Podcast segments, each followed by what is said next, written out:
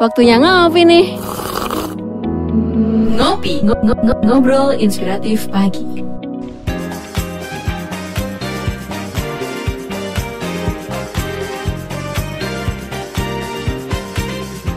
103,8 Prima Radio Surabaya Musik Enak Seharian. Halo selamat pagi sahabat Prima. Rekan Ro FM, sahabat Tri, rekan Patra Sahabat Kandis, pendengar si Radio Mara Sahabat Tapanuli Sibolga Dan teman setia Klik FM Bali, Bangli Bali. Pagi hari ini bersama saya Ira Nathanael di Ngopi Ngobrol Inspiratif Pagi. Dan kalau hari Selasa kita pasti bahasnya yang sehat-sehat ya. Dan hari ini kita akan membahas satu tema yang wow luar biasa nih. Khususnya buat Anda pecinta olahraga khususnya eh, yoga. Jadi eh, pagi hari ini kita bersama saya kenalkan dulu deh kalau gitu. Ada narasumber kita pagi hari ini. Ada siapa ya enaknya ya? Di, di disebutin ya. Ini eh, beliau adalah founder dan CEO dari Fixlim ada Agustina Wulandari. Selamat pagi Mbak Agustina.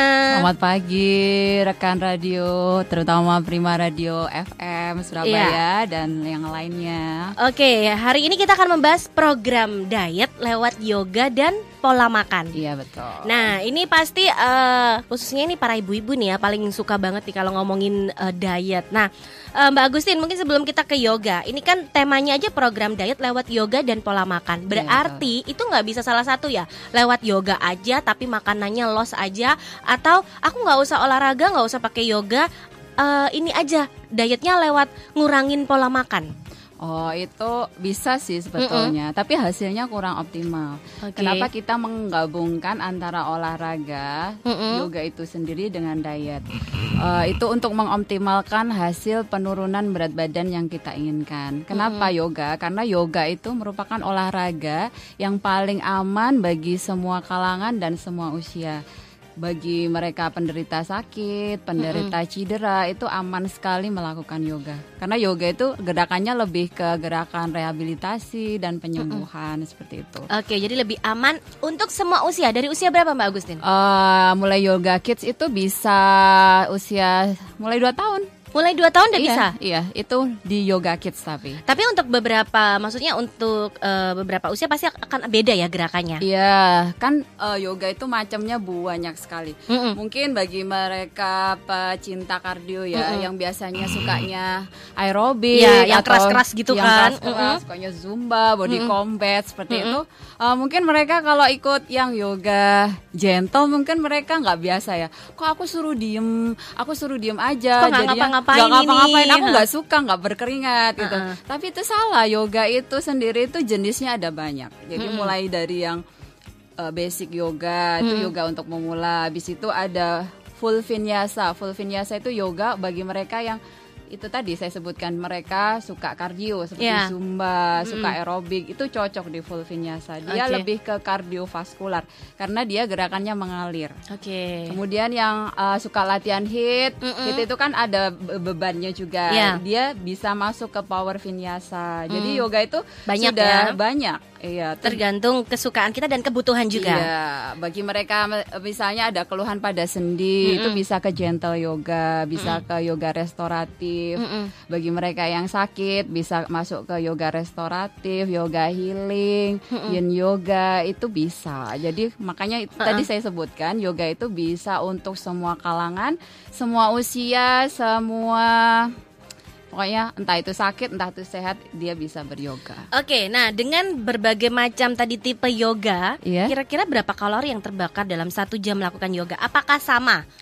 Setiap macam-macamnya yoga itu apakah sama Mbak Agus? Beda. Eh, untuk basic yoga setiap jamnya kita kalau gerak kita itu benar-benar melakukan gerakan dengan benar bisa sampai 200 kilokalori ya. Itu basic yoga. Tapi kalau kita full vinyasa, gerakan kita itu benar, terus benar-benar flowing, nafasnya betul, alignmentnya betul. Itu kita bisa sampai 500 kilokalori. Oh, lebih banyak ya? Iya. Oke. Ada lagi yang pembakarannya lebih banyak yaitu di power vinyasa dan astanga yoga.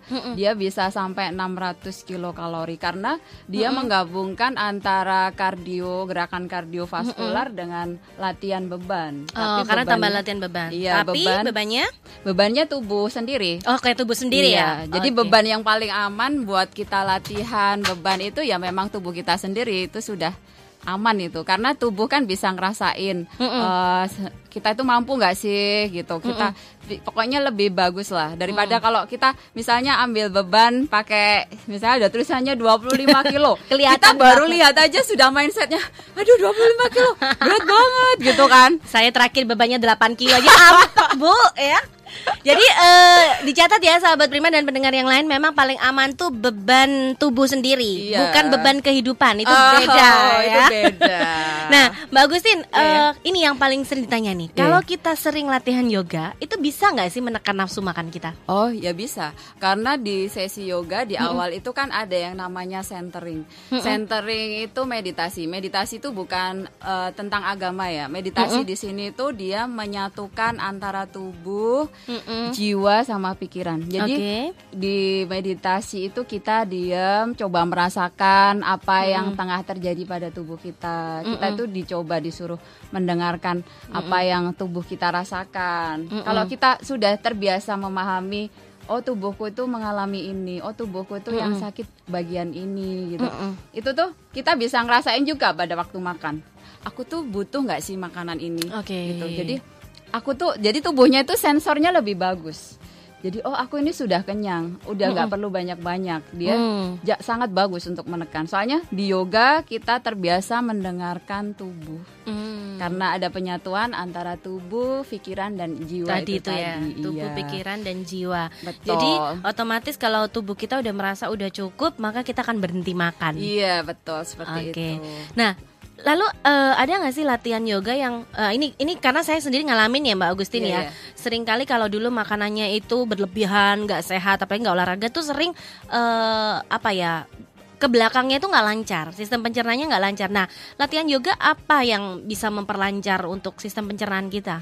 Ya, sebenarnya seluruh gerakan pada yoga itu bagus dan ada tujuannya buat tubuh. Terutama di kelas saya ya. Saya tiap gerakan, setiap member saya bergerak itu saya jelaskan. Oh, ini fungsinya untuk ini, untuk ini. Itu untuk memotivasi mereka. Terus kalau yang khusus untuk memperlancar pencernaan itu kita bisa pakai gerakan forward bend atau menekuk tubuh ke depan. Nah, gerakan menekuk tubuh ke depan itu di yoga fungsinya untuk memijat organ pencernaan sehingga memperlancar saluran pencernaan. Kemudian ada gerakan side bend, menekuk tubuh ke samping. Lah di tubuh bagian samping kita ini kan ada titik energi, ada jalur energi yang terhubung dengan usus besar dan empedu. Nah, kita ketika kita stretching ke samping, dia ada stretching pada usus besar pula. Oh. Terus dia juga aktivasi area empedu di mana fungsi dari empedu itu sendiri kan untuk menurunkan kadar trigliserida di Oke. dalam darah. Kadar lemak dalam darah itu sendiri kayak Oh gitu. pantas saya waktu diajarin stretching begini sama Mbak Agustin habis gitu saya lancar ke lancar belakangnya ya. Abis itu masih ada lagi. Ha-ha. Tunggu tunggu. Oh, ada buru- lagi? Iya, ada lagi gerakan twisting. Twisting itu gerakan eh, memuntir tulang belakang. Ya, dia itu seperti detoksifikasi pada saluran pencernaan. Jadi dia kayak ini loh bayangkan kalau kita lagi nyu- nyuci, Nyuci pakaian baju ya, ya, nyuci baju. Ketika kita memeras itu kan keluar airnya. Iya. Sama kayak sistem pencernaan kita. Ketika area tulang belakang ditwist otomatis kan eh, kita juga ikut saluran pencernaan semua organ yang dia dalam perut ini kan otomatis juga ketwist. Ya dia itu kayak Oh. detox gitu. Berarti ketika kita sudah ikut yoga sebenarnya gerakan-gerakan seperti itu juga bisa kita lakukan sehari-hari ya oh iya bisa. ya? habis Oke. misalnya kita eh, kerjanya tuh di depan komputer tiap hari-hari. Jadi nggak ada alasan aduh aku nggak sempat aku pulang kantor jam segini. Aduh anakku beruruat ada daring ini tuh. Sebenarnya nggak nggak nggak itu nggak perlu seperti itu. Jadi sambil daring kita kan bisa Stretching- stretching, stretching ke sendiri. samping Oke. terus menekuk tubuh ke depan. Eh, member saya biasanya udah tahu kok. Oh aku kalau eh, gangguan pencernaan harus gimana harus melakukan gerakan gimana. Oh aku kalau pusing sering migrain atau vertigo aku harus gimana gitu biasanya di kelas sudah saya jelaskan. Jadi mereka tinggal ngulang-ulang sendiri di rumah. Kalau memperhatikan. Saya memperhatikan kok Bu Guru. oh siap Baik, nanti sahabat Prima dan pendengar yang lain kita akan balik lagi ke segmen kedua. Jadi untuk Anda yang punya pertanyaan juga silahkan via WhatsApp di 0811 30 10 38 atau line telepon di 7388500 masih di Ngopi Ngobrol Inspiratif Pagi. Waktunya ngopi nih. Ngopi, ngo- ngo- ngo- ngobrol inspiratif pagi.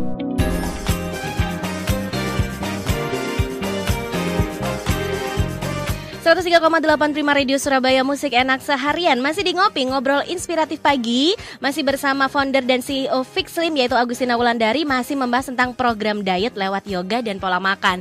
Dan sahabat Prima dan juga pendengar yang lain Saya juga info, informasikan nih bahwa pagi hari ini Untuk program ngopi kita Sportif dari Giana Delight. Nah ini udah kedua kalinya ya Giana Sportif untuk program ngopi. Dan yang spesial Karena hari ini kita temanya sehat-sehat. Nah ini eh, yang dibawa untuk pagi hari ini adalah menu vegan dari Giana Delight. Nah, yang ada di tangan saya ini, ini adalah menu baru yaitu vegan dan gluten free. Ini namanya banana choco walnut bread. Tuh, kalau ngomongin banana choco berarti ada pisang, ada coklatnya. Nah, ini dibuat khusus untuk sahabat Prima dan pendengar yang lain buat Anda pecinta vegan dan buat mereka yang intoleransi terhadap gluten atau alergi gluten. Jadi ini tanpa telur, tanpa produk hewani dan bebas gluten, berbahan dasar tepung oat nih sahabat Prima dan tentunya ada segala kebaikan buah seperti pisang, kacang walnut dan coklat Belgian yang lezat. Jadi camilan sehat yang bisa dikonsumsi kapan saja dan siapa saja. Ini dia banana choco walnut bread. Lalu yang kedua yang gak kalah enaknya ini wah ini banyak banget nih Giana Sportit kita ya luar biasa. Tahu banget kalau penyiarnya lagi pengen belajar hidup sehat ya. Ini ada kelihatan nggak ya di layar ya? Ini ada vegan lemon rocher. Ini. Jadi semuanya ini sahabat Prima olahannya ini tanpa telur dan produk olahan hewani dan juga untuk semua coklat yang dipakai di vegan ini khusus coklat murni tanpa campuran susu. Jadi coklatnya eh, ada tuh kan yang coklat itu yang pakai lemak susu. Ini nggak ada nih sahabat Prima dan eh, ini coklat murni tanpa susu. Nih, nih, nih. Tuh, kelihatan kan? Jadi vegan lemon rocher ini bahan dasarnya dari tepung terigu dan susu kedelai murni dengan tambahan ada filling hazelnut paralen pasnya dan ada lapisan crunchy dark coklat nih di bagian luar. Tuh, nanti aja kita makan segmen ketiga ya. Udah kita mau bahas lagi nih sama Mbak Agustin nih tentang eh, program di, eh, diet lewat yoga dan pola makan. Mbak ini ada pertanyaan ini Ya. dari Ibu Neira Iya, ya. yang ada di Simol. Eh, untuk yoga ini sebenarnya satu minggu berapa kali sih Mbak yang bagus? Eh, tergantung Hmm. Eh, ibunya tujuannya yoga itu buat apa? Oh, Kalau tergantung tujuan. iya, Oke. Misalnya kan ada tujuannya buat relaksasi, Mm-mm. ada weight loss, kemudian ada buat terapi. Mm-mm. Lah itu dia tujuannya yang mana? Oke. Semisal untuk relaksasi, pengen tubuhnya lebih rileks, itu bisa seminggu dua kali lah ya. Mm-mm. Kalau ingin weight loss itu minimal itu tiga kali seminggu. Oke. Tapi ikut sekuen yoga yang banyak membakar kalori sama ik- ikut sekuen yoga yang mengandung penguatan otot. Jadi Mm. dia selain kita bakar kalori, eh, kita juga sekalian membentuk otot pada tubuh. Berarti bisa itu. ya yoga itu mengencangkan dan mem- membentuk otot tubuh ya. Bisa, Oke. terutama di sekuen power yoga itu bisa karena dia gerakannya banyak menahan menahan beban tubuh dalam waktu yang lama seperti kayak plank, Mm-mm. plank yang ditahan Iya. lama, plank yang ditahan lama itu kan dia bisa menguatkan otot lengan, bahu, Mm-mm. kemudian membakar kelebihan lemak di bawah lengan bahu. Selain itu plank juga ngencengin perut, Mm-mm. kemudian bokong, paha itu kan bisa. Kerasa lo plank itu kelihatannya simple Iya, ya. namanya juga simple plank. Nah, berarti eh, memang ada yoga juga yang bisa paling banyak menurunkan menurunkan berat badan. Tadi di segmen pertama sudah sempat kita bahas ya, Iya, Mbak iya. Agustin. Apa tuh eh, jenis yoga yang paling banyak menurunkan berat badan? Eh, yoga yang paling banyak menurunkan berat badan itu bisa di jenis power vinyasa atau astanga yoga seperti itu. Mm-mm. Karena dia gerakannya flowing, eh, kemudian juga mengandung eh, angkat beban tubuh sendiri seperti itu. Mbak ini ada uh, Ibu Enina juga bertanya. Iya. Kalau pola diet yang sehat itu yang seperti apa sih Mbak Ira? Oh, pola diet yang sehat itu Hmm. eh, kalori yang masuk itu tidak lebih dari kalori yang dibuang. Nah. seperti itu. Kalori yang masuk tidak lebih dari kalori yang dibuang. Iya betul. Oke, harus sama atau yang lebih besar yang dibuang? Tujuannya yang mana? Oke. Kalau kita tujuannya mau weight loss, Mm-mm. itu kalori yang dibuang harus lebih banyak daripada kalori yang masuk atau Oke. disebut dengan defisit kalori. Ya. Kalau kita hanya ingin pengen sehat, kemudian mempertahankan berat badan ya kalorinya ya sesuai dengan metabolisme basal tubuh kita. Misalnya kita dengan berat badan eh, misalnya berat badannya 50 Nah, kilo. itu cara ngitung tuh Mbak gimana nih berat badan ideal apa enggak itu? Eh, dia eh, kalau di sini ada hitungannya sih nanti ribet. Nanti ribet. Iya Oke. harus tingginya berapa, kemudian tingginya berapa, beratnya berapa, Oke, terus dibagi seperti itu. Oke, oke, oke. Nanti kan kalau lebih dari 20% dia masuk kategori kurus, kalau kurang dari sekian, nanti kategori apa, kategori apa Oke, gitu. oke. Jadi kalau untuk m- weight loss berarti harus kalori yang dikeluarkan harus lebih banyak daripada kalori yang kita Iya, konsumsi betul. ya termasuk Iya, ya. iya. Tapi kalau untuk mempertahankan eh, sama juga nggak apa-apa ya Mbak. ya? Sama nggak apa-apa. Oke. Nah, ada pertanyaan tadi di Instagramnya Mbak Agustin ya, karena lagi Ada live ada. nih di Iya, Instagramnya iya, Fix Slim. sebentar. Iya, Mm-mm. sebentar. Oke, buat sahabat Prima yang lain yang masih mau eh, bertanya atau sahabat Prima, rekan Roll FM, sahabat Tri, rekan Patra, sahabat Kandis, pendengar si Radio Maros, sahabat Tapanuli Sibolga dan teman setia Klik FM Bangli Bali juga bisa ya via WhatsApp di 0811 30 10 38 atau line telepon di 7388500. Kita juga lagi live Instagramnya Prima Radio kalau mau tanya, live Instagramnya Fix Slim juga boleh. Ini ada Iya. pertanyaan apa nih Mbak? Eh, dari member Fix Slim tadi ada pertanyaan gimana cara ngurangi nasi gitu. Nah, Lah. emang kenapa sih Mbak? Emang nggak boleh ya kita makan nasi sebenarnya? Boleh. Boleh kan? Kan tadi kan tujuannya itu eh, kalau kita mau weight loss itu yang penting itu defisit kalori. Sebenarnya nggak apa-apa makan Jadi nasi. sebenarnya kalau ada orang bilang saya diet nggak makan sama sekali itu sebenarnya salah ya. salah. Oke. Karena tubuh itu butuh nutrisi juga buat regenerasi sel, kemudian buat eh, kalori. Jadi otot jantung, paru-paru, lambung, usus itu dia bekerja butuh kalori loh. Jangan Mm. salah. Jadi jangan oh aku diet sama sekali Nggak makan, makan. apa pun. Nah. Nah, itu malah akan mengganggu kerja organ di dalam tubuh, regenerasi sel terganggu. Dan Mbak Agus ini sering kali ngingetin saya, Mbak Ira kalau dietnya harus dietnya yang happy katanya Oh iya, gitu. diet itu harus bahagia. Harus bahagia. Iya. Karena kalau enggak nanti ada faktor balas dendam. Iya, katanya pasti di gitu. belakang kita itu pasti balas dendam. Aku nggak boleh makan ini, nggak boleh makan itu. Tadinya, aduh aku tuh suka loh makan ini, makan itu. Terus tiba-tiba kita tuh nggak boleh makan sama sekali bukan, bukan seperti itu. Tetap makan, tapi eh, kalorinya dihitung. Dihitung, Terus oke. sama didengerin eh, apa itu sensor dari tubuh, tubuh kita. kita. Aku tuh perlunya makan apa minum sih, gitu. Hmm. Kan kadang kita ada yang salah, salah sensor. Kadang aku tuh sebenarnya itu cuman haus, tapi dia sensornya salah ke lapar. ya itu. Atau saya itu sebenarnya kekurangan oksigen. Kan pertama itu sebenarnya itu oksigen dulu, habis itu baru minum, baru makan. Jadi ketika lapar itu sensornya yang bagus tuh ambil nafas dalam dulu. Terus sambil pahami, tanya ke tubuh, aku tuh bener-bener lapar nggak sih gitu. Oke. Kalau eh, sekiranya oh aku ternyata nggak lapar, cuman butuh minum aja ya udah minum gitu. Oke, nah untuk nasi bagaimana tadi Mbak pertanyaan Oh, iya. dari member Fix Slim tadi? Yang untuk nasi nggak apa-apa makan nasi, tapi eh, ingat ya defisit kalori dihitung. Nasinya itu berapa gram yang udah dikonsumsi. Terus kalau udah makan nasi itu cemilan-cemilan yang lain itu juga dihitung. Jangan Iya. sampai kita makan nasi terus habis gitu ikannya keripik kentang. Ya, makan nasi terus lauknya itu apa itu kayak Rendang. kering kentang. Iya. Kalau- itu kan tinggi-tinggi Mbak kalorinya. Iya betul. Eh, Nggak maksudnya karbo kan kalau makan mending ada proteinnya ya. Kadang kan ada eh, makan nasi, habis itu lauknya Kering perkedel. kentang, perkedel. Lauknya dadar jagung, kan karbo tambah karbo, Karbo tambah tambah karbo. karbo. Iya, Oke. jadinya kan berlebih seperti itu.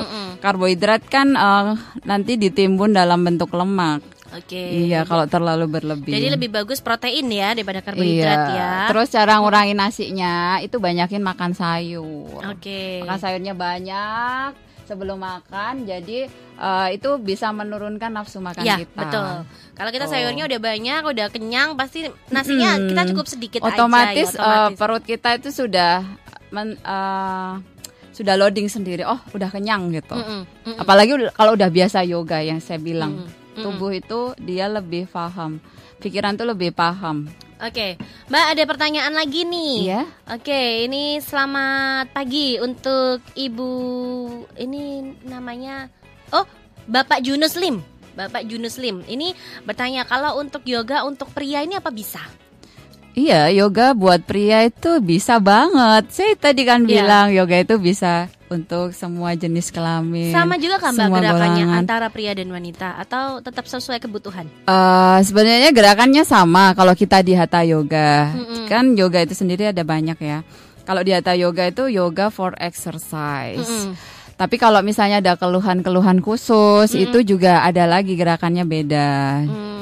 Jadi aman bapak-bapak ikut yoga itu malah bagus banget. Karena dia aman buat persendian, aman buat tulang, eh, terutama bagi mereka yang rawan cedera seperti itu ya. Karena dia mengandung banyak stretching karena eh, stretching tuh bagus buat persendian. Karena dengan kita banyak stretching itu eh, pengeluaran minyak sendi pada tubuh kita itu optimal. Kan banyak orang yang se- sekarang ini ya eh, sering mengalami radang sendi karena salah nutrisi dan kelebihan berat, Berat badan, badan. Ya, itu bisa juga eh, mengalami radang sendi karena kebanyakan olahraga itu bisa. Oh, gitu ya. Iya. Tapi olahraga yang eh, banyak ini ya banyak tekanan Berat berarti olahraga, berat olahraga ya? yang banyak mengandung tekanan pada sendi seperti melompat, berlari seperti itu kalau kita lakukan terus-menerus tanpa ada stabilizernya Ya. ya itu bisa menyebabkan radang pada sendi juga, bisa menyebabkan penipisan pada bantalan sendi. Tahu ya olahraga yang apa hmm, high intense Iya. kayak melompat, berlari, hit lah. Itu yoga itu sebenarnya adalah obat dari semua, Semua olahraga. olahraga. obat dari cedera olahraga. Oke. Iya seperti itu. Nah, kalau kunci utama sukses menurunkan berat badan, tadi kan kita bahas Iya. defisit kalori nih. Selain itu apa aja nih, Mbak Agustin? Eh selain defisit kalori, ini makan kita harus ngatur apa yang kita makan. Eh, jadi Kalau makan berarti sarapan wajib ya. Makan sarapannya apa dulu? Oke, misalkan contoh nih Mbak dalam satu hari kita harus sarapan apa nih yang kandungannya seperti apa, makan siang seperti apa, lalu makan malam nih paling lambat jam berapa? Oh gitu. Gini Hmm. aja, kita hitung dari metabolisme basal tubuh kita. Mm-mm. Jadi eh, misalnya kita sehari itu butuhnya 1500 kilokalori. Ya udah itu kita bagi dalam sehari. Mm-mm. Jadi kalau kita tadi ingin defisit kalori ya boleh lah ya 1200 kilokalori saja. Nanti kita hitung kira-kira sarapan itu 300 kilokalori saja.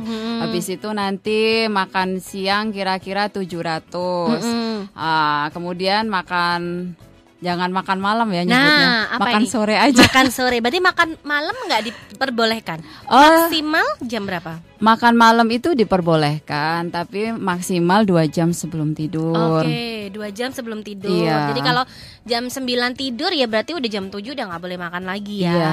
Karena apa Mbak kalau harus gitu? Eh, karena pada saat kita makan itu otomatis tubuh itu kan memproduksi asam lambung. Itu sudah eh, siklus alami sih di tubuh. Mm-mm. Ketika kita tidur itu posisi saluran pencernaan kemudian dengan eh, tubuh bagian atas itu kan segaris, Oke, sejajar. iya. Ketika dia sejajar otomatis diafragma yang membatasi rongga perut sama rongga dada itu pasti membuka. Terbuka. Iya. Oke.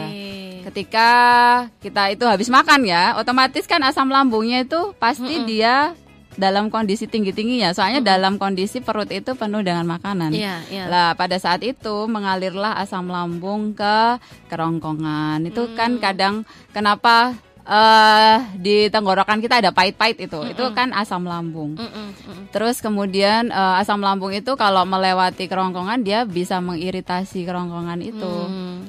Lah itu kalau ngalirnya di kerongkongan. Lah kalau ngalirnya ke tenggorokan habis itu ke paru-paru, bagaimana kondisi paru-paru Iya. kita jika dipenuhi dengan asam lambung? Berarti makan ma- makan sorenya dua jam sebelum iya, tidur. bi- bagus. Dan dihitung itu. eh, berapa kilokalori kita dalam satu hari Iya. ya.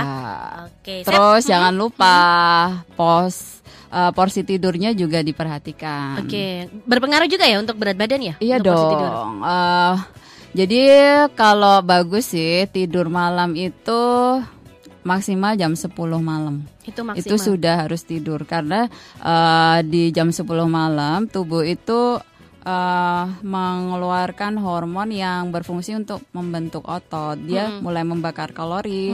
Terus di jam itu itu ada regenerasi sel-sel tubuh seperti Mm. itu. Jadi jam 10 malam itu kalau bisa sudah tidur. Jadi Oke. kalau organ dalam kita kerjanya bagus, regenerasinya bagus, otomatis seluruh tubuh kita kan lebih sehat. Pembakaran kalori, lemak tubuh kan pun juga akan lebih optimal kan seperti itu. Berarti memang eh, satu dengan yang lain ini saling bersinergi ya antara kita latihan yoga, kemudian mengatur Pola asupan dan makan. pola makan, termasuk juga mengatur pola tidur. Ini juga Iya, berpengaruh ya Mbak Agustin betul. ya. Oke, nanti kita akan balik lagi di segmen ketiga buat sahabat Prima dan pendengar yang lain yang masih mau bertanya silahkan.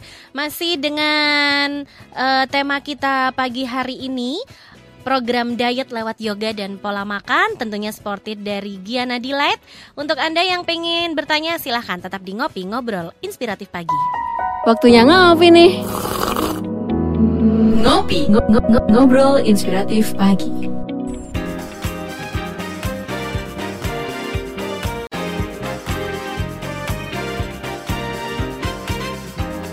103,8 Prima Radio Surabaya Musik Enak Seharian masih di Ngopi Ngobrol Inspiratif Pagi dan kita eh, pagi hari ini sported dari Giana Delight. Nah, ini di depannya Mbak Agustin itu sudah ada eh, yang namanya eh, tadi mana nih ya? Oh, ini loh Mbak. Ini ada vegan mochi muffin dark coklat. Nah, itu vegan mochi Iya. muffin dark coklat, enak banget. Nah, kalau saya ini di sini ada eh, vegan lemon recher. Nah, ini memang aman ya untuk kita yang eh, pecinta vegan. Jadi kalau eh, makan yang aman, yang coklatnya juga tadi eh, apa? Coklat asli ya, dark coklat, kemudian eh, tanpa susu nih sepertinya enak nih sarapan ini. Mbak boleh dicoba nih Mbak Oh, iya, Agustin. Oke. Ya, jadi ini gluten free ya. Iya. Bagi mereka yang alergi gluten. Jadi enak banget. Kita coba ya. Hmm, coklatnya dark coklatnya Hmm. kerasa. Nggak gitu manis ya. Maksudnya bagi yang nggak terlalu suka manis, Mm-mm. ini udah enak kok. Berarti nggak perlu manis-manis kan Mbak? Kita Mm-mm. sambil ngurang- ngurangin kalori Iya. juga kan? Ini kalorinya nggak banyak kok. Nggak banyak. Mm-mm. Nah, aman Ayo. jadi ya? Aman buat mereka yang diet dan alergi dengan gluten. Jadi ada mereka yang alergi gluten. Gluten itu bagi yang alergi dia bisa mengiritasi usus halus. Nah, Gitu. Jadi bagi mereka yang ada alergi gluten tapi sukanya makan roti, silakan beli di Giana. roti yang Delight. gluten free. Oke. Yaitu salah satunya di Giana Delight. Oke, Instagramnya giana.delight. Oke. Ya, Giana.delight bisa pesen di situ ya. Oke, Mbak Agustin, ini karena waktu kita cuma tinggal 6 menit nih ya. Iya, ya. Jadi mungkin eh, banyak pertanyaan juga ya. Apakah yoga ini bisa meningkatkan imunitas tubuh nih terutama masa pandemi seperti ini kan, Mbak? Oh bisa dong. Eh, yoga kan eh, gerakannya banyak yang mengandung stretching ya. Oke. Jadi eh, apa sih yang menjaga imunitas tubuh? Salah satunya bagian dari organ dalam tubuh kita adalah limpa. Hmm. Ketika kita melakukan stretching, terutama pada meridian atau titik energi yang dilewati oleh limpa, Mm-mm. itu otomatis it- kita menstimulasi kinerja limpa dengan cara stretching itu sendiri. Oke. Misalnya limpa itu melewati mana sih? Limpa itu dilewati di paha bagian dalam, kemudian ke pinggul, terus ke tubuh bagian samping, baru ke organ dalam itu sendiri. Mm-mm. Jadi gerakannya seperti Bada Konasana atau pose butterfly seperti itu. Pokoknya segala sesuatu gerakan yang mengandung stretching pada meridian yang terhubung dengan limpa. Bagus sekali. Fungsi dari limpa itu sendiri adalah memproduksi sel-sel darah putih, di mana sel sel-sel darah putih itu kan fungsinya untuk membunuh kuman, Iya. penyakit yang masuk gitu. Itu ya, jadi bisa meningkatkan imunitas tubuh. Jadi kalau misalkan sahabat prima, "Ah, kenapa sih yoga cuma stretching stretching stretching? Jangan salah, itu tiap gerakan di yoga itu ternyata ada fungsinya ya, Iya, ya. terutama stimulasi pada organ di dalam tubuh selain eh, selain penyehatan pada otot, sendi, saraf dan tulang. Oke, nah Gitu. Mbak Agustin ini bisa disimpulkan nih untuk tema kita pagi hari ini program diet lewat yoga dan pola makan. Oh ya. Eh, Bagi mereka yang ingin eh, menurunkan berat badan lewat yoga, tentu saja dengan selain eh, memilih makanan yang defisit kalori, juga lakukan sikwen yoga yang membakar lemak dan kalori yang banyak, Hmm. seperti di full vinyasa atau pawan vinyasa. Mm-mm. Bagi mereka yang ingin sama pertanyaan di IG juga. Iya. Bagi mereka yang ingin mempertahankan berat badan, cukup lakukan gerakan-gerakan basic yoga, gentle yoga. Cukup lah ya dua kali seminggu itu cukup. Itu f- lebih berfungsi ke pengaktifan organ dalam, optimalisasi kinerja eh, organ luar dan dalam juga. Itu pakai eh, gentle atau basic yoga. Mm-mm. Terus bagi mereka yang ada keluhan-keluhan pada otot, sendi, saraf itu bisa lakukan uh, restoratif yoga bisa, kemudian yoga terapi, yin yoga itu bagus seperti itu. Jadi intinya pada defisit kalorinya. Oke, defisit kalorinya itu. Betul. Itu kunci utama. Sama yang dimakan dong. Oh ya. Defisit kalori tapi yang dimakan misalnya sehari dia metabolisme basalnya eh, 1500. Mm-mm. Habis itu dia makan sehari eh, donat 3. ya sama Ah, aja. sama aja. Itu tidak eh, itu malah tidak apa ya, tidak bagus buat Mm. organ di dalam tubuh kan. Jadi tidak ada si eh, perbaikan sel-sel, Ya. tidak ada perbaikan kinerja tubuh. Jadi eman. Jadi makanlah makanan yang berguna bagi tubuh. Oke. Jangan nurutin nafsu kita. Kalau kita nurutin nafsu, pasti kita bikin pengennya nafsu. Namanya nafsu kan pastinya pengennya yang enak-enak ya.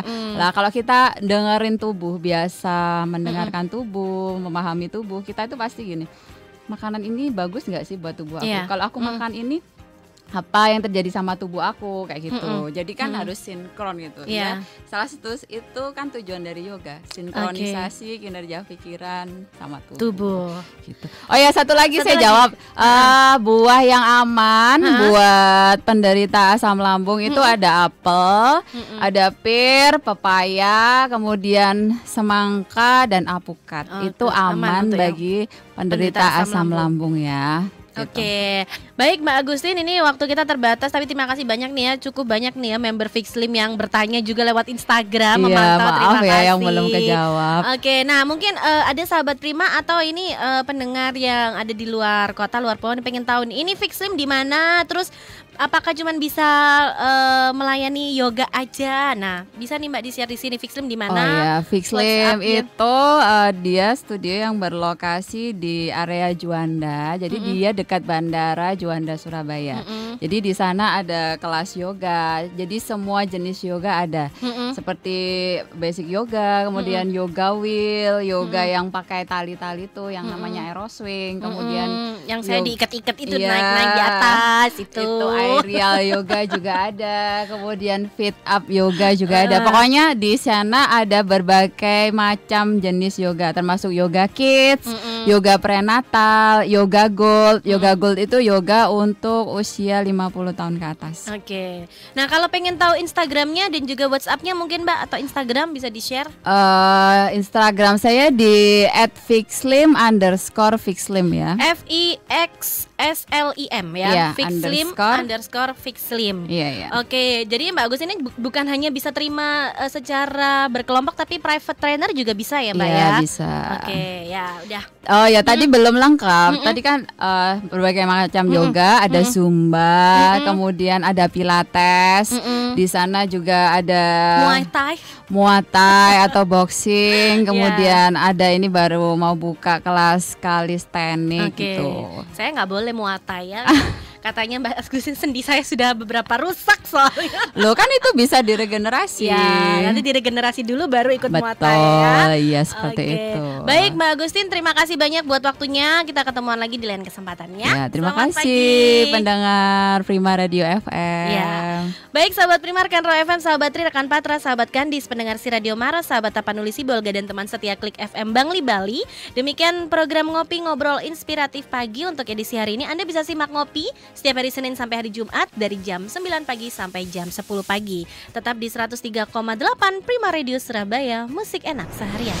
103,8 Pri- Pri- Pri- Prima Radio Surabaya. Musik enak